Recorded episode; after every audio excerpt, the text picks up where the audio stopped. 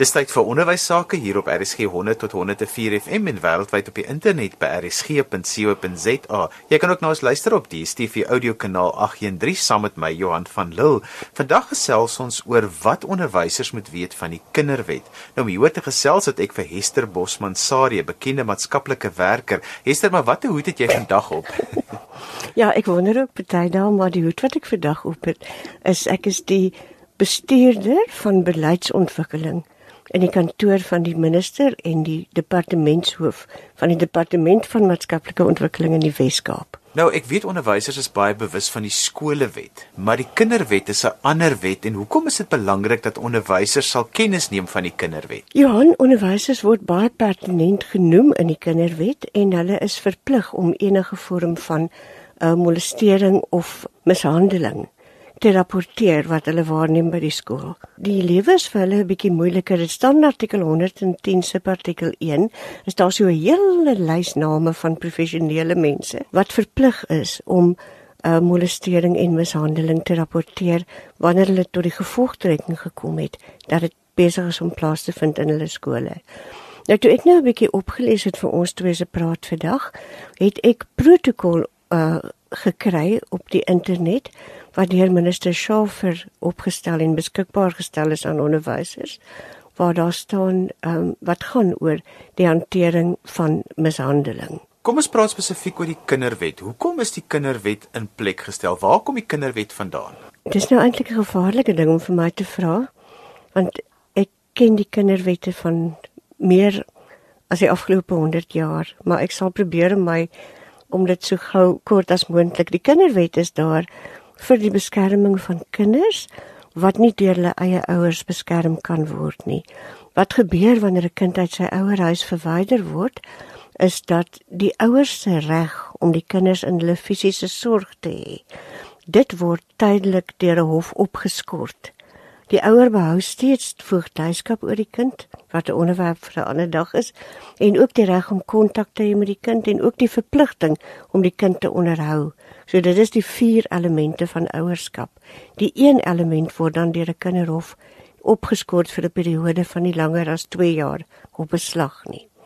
Dis die reg om die kind in hulle huis te hê. Wanneer 'n mens met kinders werk, dan moet 'n mens soos ons gesê het bewus wees van die kinderwet. Jy moet hom volg, jy moet seker maak dat jy hom verstaan. Jy sê onderwysers word pertinent in die kinderwet genoem. Waarna word verwys as dan na onderwysers verwys word?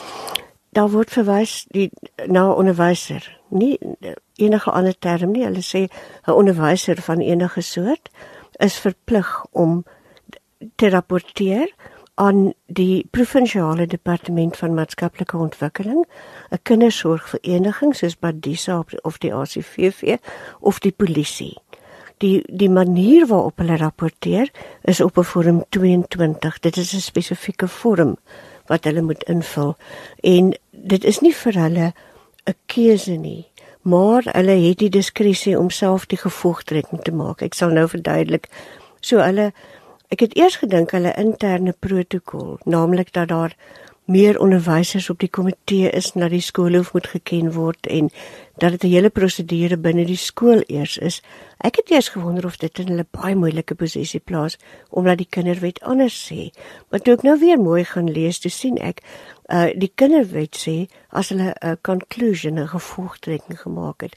So hulle daar word wel van 'n onderwyser verwag om eers as professionele persoon self te kyk wat aan die gang is en nie enige ligsinnige insident wat hulle mag opmerk te rapporteer nie. Mag ek hier sê dat dit vir die lede van die publiek anders is. Hulle moet net 'n vermoede hê Hulle hoef nie die vermoede te bevestig nie. So die lede van die publiek moet 'n redelike vermoede hê. En as hulle aanmelding dan bona fide is, met ander woorde, as dit nie is omdat jy lankal jou buurvrou of jou skoonsister 'n ding wil wys nie, as dit is omdat jy werklik besorg is oor die kinders, dan is die lede van die publiek wat hierdie sake rapporteer, is dan beskerm en daar kan geen siviele eise teen hulle wees as hulle dalk per ongeluk 'n fout gemaak het nie. Maar vir onderwysers is dit anders. Vir onderwysers is dit anders. Ehm um, hulle moet hulle eie interne protokol volg, maar wanneer hulle die gevolgtrekking maak, dat daar iets aan die gang is hier wat hulle nie van hou nie, dan is hulle wel verplig. Dis 'n must. Hulle moet dan ehm um, die dit rapporteer. Ons moet daai verplig mooi verstaan want jy kan strafregtelik vervolg word as jy stil bly. Dis korrek. En dit is dit is 'n baie moeilike een maar mens kan inderdaad strafregtelik vervolg word as jy geweet het en niks gesê het nie. Nou waar dit veral gaas veroorsaak het as ek net vir 'n oomblik dit nog sê was in die prokureursprofessie. En ehm um, daar was 'n hele redenasie want prokureurs is nou ook op hierdie uh, uitgeleese lys van professionele persone. En aan die ander kant is daar iets soos regsprivilegie wat maak dat hulle nie hoef te sê nie, maar dit is ook 'n onderwerp vir 'n ander dag. Ek sê dit net vir die interessantheid. Dit die aspekte wat mense weet wat in die kinderwet gedek word? Is is die voor die hand liggende goed soos molestering, mishandeling en daardie tipe goed. Maar jy het my vooraf gesê daar's 'n nuwe ding oor dat boelie ook in die kinderwet vervat. Dit was vir my verskriklik interessant dat die afknou van kinders bullying word spesifiek in die kinderwet. Ek kan nie meer so lekker van die nuwe kinderwet praat nie want hy is darm nou al sedert ehm um, amper sê 1910. sedert 2010 is hy nou ten volle in werking. Maar dit was vir my eindeloos interessant toe ek besef dat ehm um, afknou van een kind tot 'n ander is kindermishandeling per se. So dit plaas 'n onus op die onderwyser dat jy dan onder die verpligting is om dit aan te meld en daarmee te werk. 'n Onderwyser kan nie dit net Dit is korrek Johan en daar's ook baie uh nuwe groot um elemente wat nou bygekom het met die kinders wat mekaar op die sosiale media so openlik en in die openbaar toetakel. Ek het net ver oggend dit gehoor dat die nuutste wat tieners nou vir mekaar sê is go kill yourself. Hulle het tot 'n afkorting daarvoor. Uh wat dit ook al is, don't go go kill yourself. So die afknouery op sosiale media en die ongelooflike vinnige verspreiding van enige iets wat 'n kind mag gedoen of oorgekom het sonder diskresie maak dit werklik 'n baie groot probleem. Kom ons vat 'n praktiese voorbeeld. Daar's 'n geval van afknouery op die skoolterrein. Ehm um, die onderwyser moet dit hanteer saam met die skoolhoof. Ehm um, hoe moet dit reg hanteer word? Want ehm um, mense wil nie hê onderwysers is al klaar so besig en hulle programme is al so oorlaai dat 'n mensie nog ekstra maar dit moet dan nou reg hanteer word. Hoe moet dit hanteer word? Dit moet volgens die interne protokol van die ek ek het net die Weskaapse ingesien hanteer word en dit moet eers binne die skool moet daar eers samesprekings wees tussen van die onderwysers om te besluit of hulle die gevolgtrekking maak dat hierdie werklik nie 'n ongeluk was nie maar 'n doelbewuste geval van afknouery was of dat 'n kind 'n geskiedenis het van van afknou en dan is hulle verplig om dit aan 'n maatskaplike werker te rapporteer Hierdie is die maatskaplike werkers wat in die kinderhoewe werk. Dit word in in Engels is dit 'n designated social worker en 'n Afrikaanse aangewese maatskaplike werker. Dit beteken die van ons wat in die in die kinderhoewe werk. Dit is mense wat werk vir 'n kindersorgvereniging of in sekere poste van die departement van maatskaplike ontwikkeling. Daar was so 'n jaar of 2 gelede so 'n videoklip wat op Facebook gesirkuleer is wat ehm um, van die onderwyser wat in die klaskamer gesit het en die die afknouery het in sy teenwoordigheid gebeur. Hy was so half hy het net nie ingegryp nie. So is dit dan iets wat in die wat ons nou van praat. Is dit 'n tipiese voorval wat die kinderwet dan daardie kinders beskerm? Ja, die kinderwet sal die kinders beskerm en 'n onderwyser kan krimineel vervolg word. Hester, wat is die ander aspekte wat ook in die kinderwet vervat is? Wel die die uiterste kinderverlating en ehm um, en kinderverwaarlosing. Nou kinderverlating is die uiterste vorm van kinderverwaarlosing wat 'n mens moontlik kan kry. So daar is is ek sou ook verwag van 'n onderwyser om te rapporteer as hy sien dat 'n kind sonder kos skool toe kom of dat 'n kind voortdurend geskuif word van die een familielid van die ander En ook die bekendste kenmerk van kindermishandeling is as 'n kind op 'n gereelde basis kneusings het en ehm um, forme van beserings het wat gewoonlik in die aand plaasvind en dan elke slag na 'n ander hospitaal word die kind dan geneem. So ek sou van 'n onderwyser verwag om paraat te wees en om dit dan aan 'n uh, maatskaplike werker te rapporteer of van die polisie. Ons gesels vandag oor die kinderwet. My gas is Hester Bosman Sari, bekende maatskaplike werker. Hester, wat is die ander aspekte wat ons moet oor praat wat onderwysers moet weet om hulle self ook te beskerm? Onderwysers moet weet dat as hulle 'n bona fide gevolgtrekking maak, al is hulle verkeerd, dan kan daar geen vervolging van hulle hoegenaamd wees nie. Hulle is ook beskerm. Verduidelike bona fide. Uh dan doen jy dit omdat jy werklik glo in wat jy doen. Jy doen dit nie met 'n bymotief omdat jy eintlik iemand wil terugkry vir 'n ander saak nie. Hester, as ek jou so luister en ek hoor jy praat oor die kinderwet, dan wonder ek altyd ook wet word onderwysers korrek aangestel en hanteer? Johan, dit is nou eintlik 'n baie interessante vraag. Daar is 'n sekere vorm by die kinderwet en dit word genoem vorm 29. Nou, een van die redes waarom die kinderwet as 'n baie gekompliseerde wet beskou word, is dat sowel die departement van justisie en die departement van maatskaplike ontwikkeling hulle eie reeks vorms en regulasies ontwikkel het en hulle begin albei by een. So as jy nou lees jy moet nou regulasie 1 toepas, dan moet jy eers uitvind is dit nou justisiese regulasie 1 of is dit nou maatskaplike ontwikkelingsregulasie 1. Nou daar is 'n besliste verpligting op 'n skoolraad of 'n onderwysdepartement om voordat hulle 'n onderwyser aanstel na hierdie vorm 29 in te vul en dit na 'n sentrale register van die departement van maatskaplike ontwikkeling in Pretoria te stuur om te kyk of hierdie persoon nie dalk gelys is as 'n mens wat nie met kinders behoort te werk nie. Hierdie lys is nie 'n kriminele rekord nie. Baie mense wat byvoorbeeld by 'n crash werk en hulle gedra hulle sonder diskresie teenoor 'n kind, kan daar gelys word sonder dat daar ooit 'n kriminele saak teen die persoon was. En veral pedofiele en ongelukkig word mense wat uh, seksuele afwykings in daardie verband het, word aangetrek tot beroepe waar hulle weet hulle gaan baie met kinders werk. Rus die onus op die skool of die departement of wie moet daardie register kontroleer ja. en hoe word daai register bygehou want ek neem aan die kinderwet maak ons nou spesifiek vir verwysing na die register. Ja, daar is 'n spesifieke verwysing na die register. Daar is 'n op deel A van die register. Maar ek wil, wil weer net beklemtoon dat maatskaplike ontwikkelingsregister is nie uh dit gaan nie oor kriminele skuldigbevindings nie. Net om dit nou verder te kompliseer, bestaan daar wel so 'n register binne die departement van justisie, maar dit gaan oor seksuele misdrywe. So op die oomblik as 'n mens iemand keer as 'n pleegouer, 'n veiligheidsouer of 'n aanneemouer, dan is daar twee dokumente wat die hof wil sien voor hulle die bevele teken.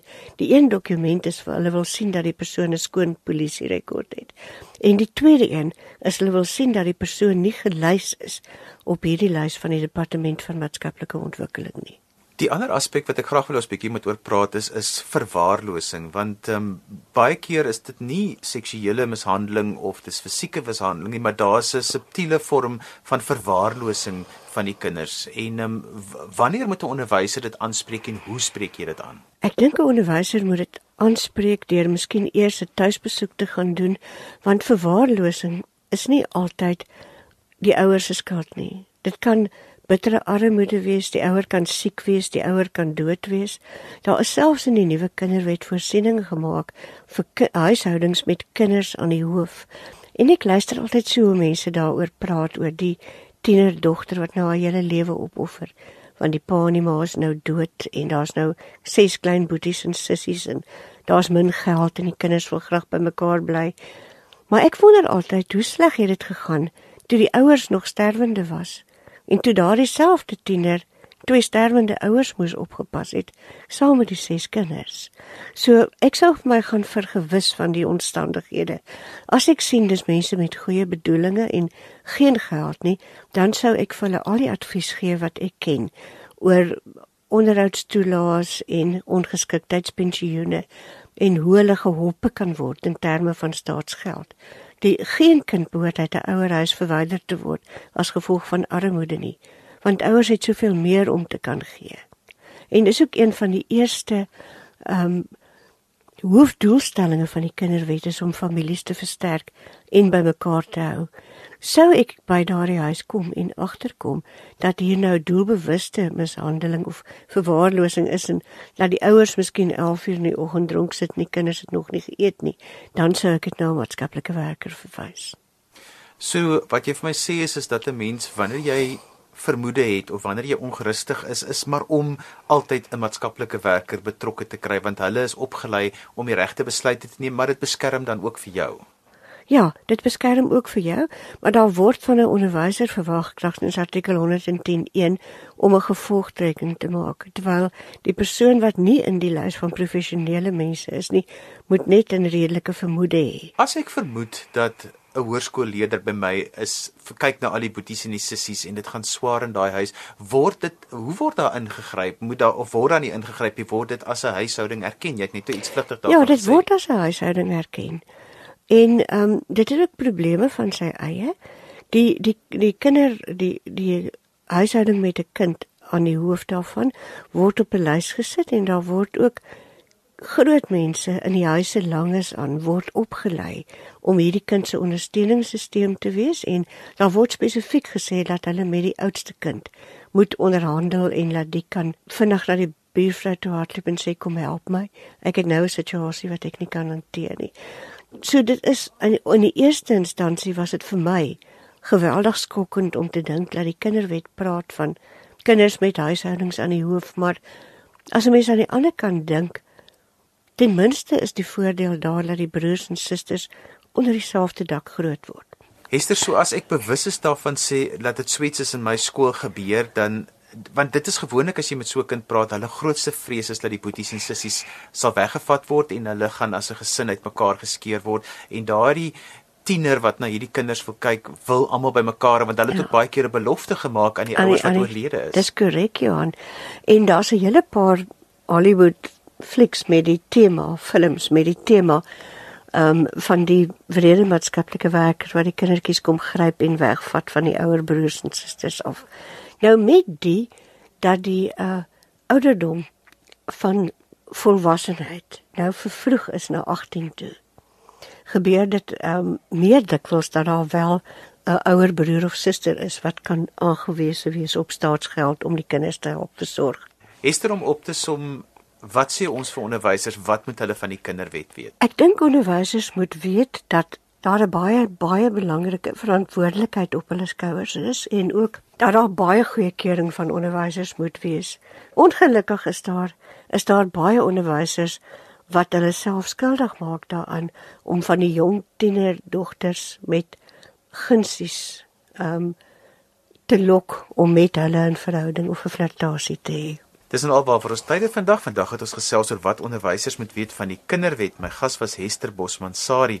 Onthou jy kan weer na die program luister as 'n potgooi. Laai dit af by rsg.co.za. Skryf gerus vir my indien jy enige kommentaar het op die program of as daar onderwerpe is wat jy graag wil hê ons moet in ons in die onderwys aanroer. My e-posadres is Johan@wwd.co.za. daarmee groet ek dan vir vandag tot volgende Sondag van my Johan van Lille. Totsiens.